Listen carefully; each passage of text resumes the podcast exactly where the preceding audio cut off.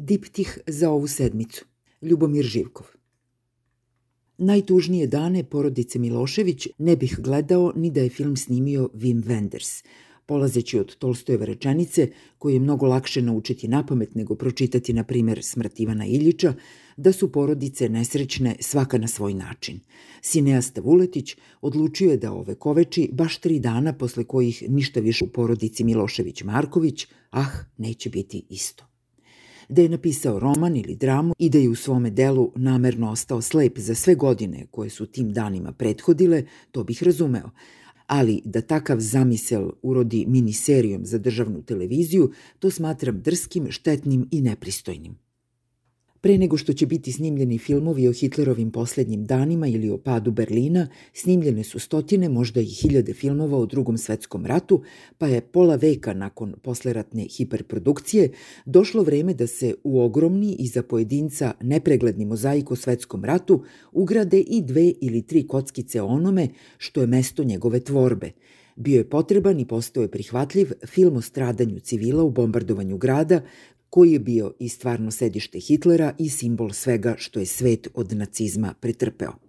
Slobodan Milošević nije bio Adolf Hitler, Jugoslavija i Srbija nisu nacistička Nemačka, ali je 13-godišnja vladavina junaka porodice prenebregnuta. Dosad je umetnički neobrađivana da bi publici najpre bilo predočeno kako hapšenje osobe optužene za ratne, ali i mirnodopske zločine izgleda iz vizure njegove gospoje i njihove kćeri. Da je porodica snimljena u kinosekciji socijalističke partije i da je kružila takozvanim društvenim mrežama, to bi bilo umesno i verovatno korisno po Miloševićev legat. Ali da se toga lati takozvani javni servis, to smatram spektakularno skandaloznim. Kao nevoljni i neobavešteni sufinansijer tog serijala, negodujem koliko me grlo nosi.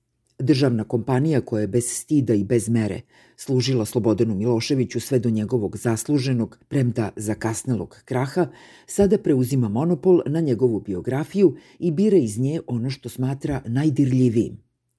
Serija o tužnom kraju gospodara Srbije zapravo je omaž i spomenik njegovoj ljudskosti, koja naravno da je meni stalno izmicala – Nije trebalo čekati ni dva dana od kako je porodica vele prikazana, Dačić bi već da iskoristi dobrobit sumnje uz loglasni dos i već zahteva da bude suđeno onima koji su njegovog šefa i njegovog prvog poslodavca uhapsili na njegovom porodičnom, malne rekoh, vekovnom ognjištu.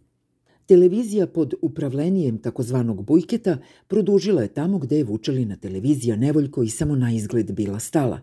Pa kako nije upravni odbor rekao, ni pošto ne možemo finansijski podpomoći toplu ljudsku priču o porodici, čija su nepočinstva dve decenije zataškavana, a ukoliko je i snimite o vlastitom trošku ili o trošku nekog trećeg, mi je nećemo prikazati jer smo televizija sa, kak se veli, nacionalnom frekvencom.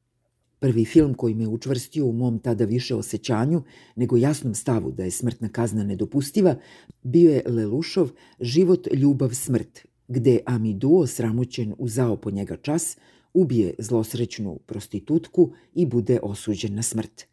Prvi put sam osetio kako to zapravo izgleda, ali da je godine 1946. ili 47.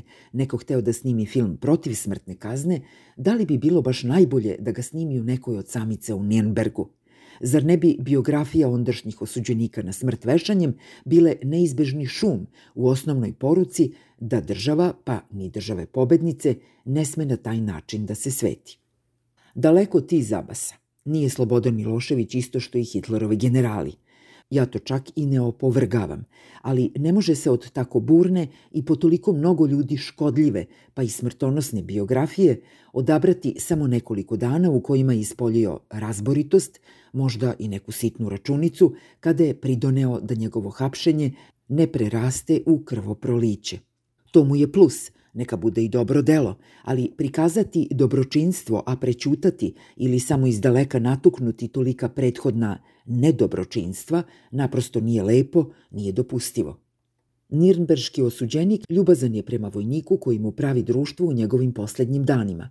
Ne znam sad kako se zove film, savremen je, ali o tome su osuđeniku, o njegovim zlodelima i o zločinima njegovih kolega iz Wehrmachta već bile snimljene hiljade filmova, pa kratkotrajni bljesak njegove ljudskosti, kulture, možda i kajanja, može biti poruka da je i život ratnog zločinca mogao biti posve drugčiji da do rata nije došlo.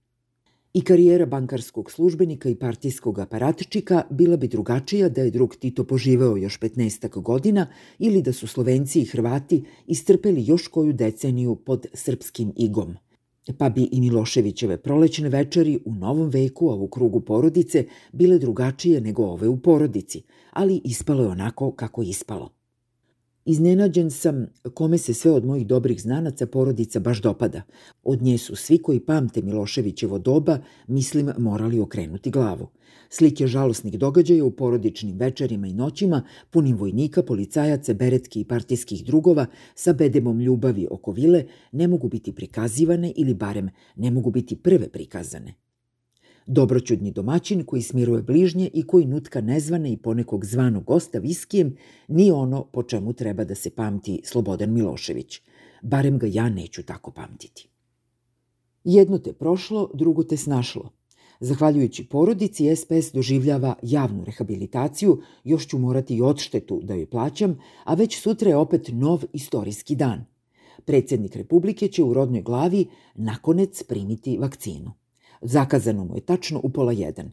Pre možda dve nedelje sam čuo reči velikana koji je mogao da se prvi vakciniše u Pekingu, Moskvi, Vašingtonu ili na Oksfordu, kako će dati da ga vakciniše obična medicinska sestra. To nam je servirano kao vrhunac skromnosti i tako reći poniznosti. Plači, sveti oče, sa tvojim pranjem nogu osuđenicima u oči Božića. Primanje vakcine od obične medicinske sestre znak je i dokaz skrušenosti, iako baš medicinske sestre gle daju inekcije bolje nego primarijusi, načelnici bolnica i lekari akademici. Ali to što će se sa zasukanim rukavom ukazati običnoj medicinskoj sestri nije Vučiću dovoljno – Istorijski događaj pripao je rudnoj glavi, čime je postignut pun kontrast između slavnosti vladara i sela koje, kao i moje rodno mesto, nije postojalo ni na velikoj školskoj geografskoj karti SFR Jugoslavije. Primanje vakcine simbol je novog života, ponovnog rađanja i kao što Isus nije rođen u raskoši, tako i naš Mesija ponavlja mitološki obrazac, odlazi sutra u rudnu glavu, kud će se iz Beograda zaputiti konvoj na čijem će čelu biti uzelac, a na čijem će svečanom začelju biti žižnje radosni Sarapa.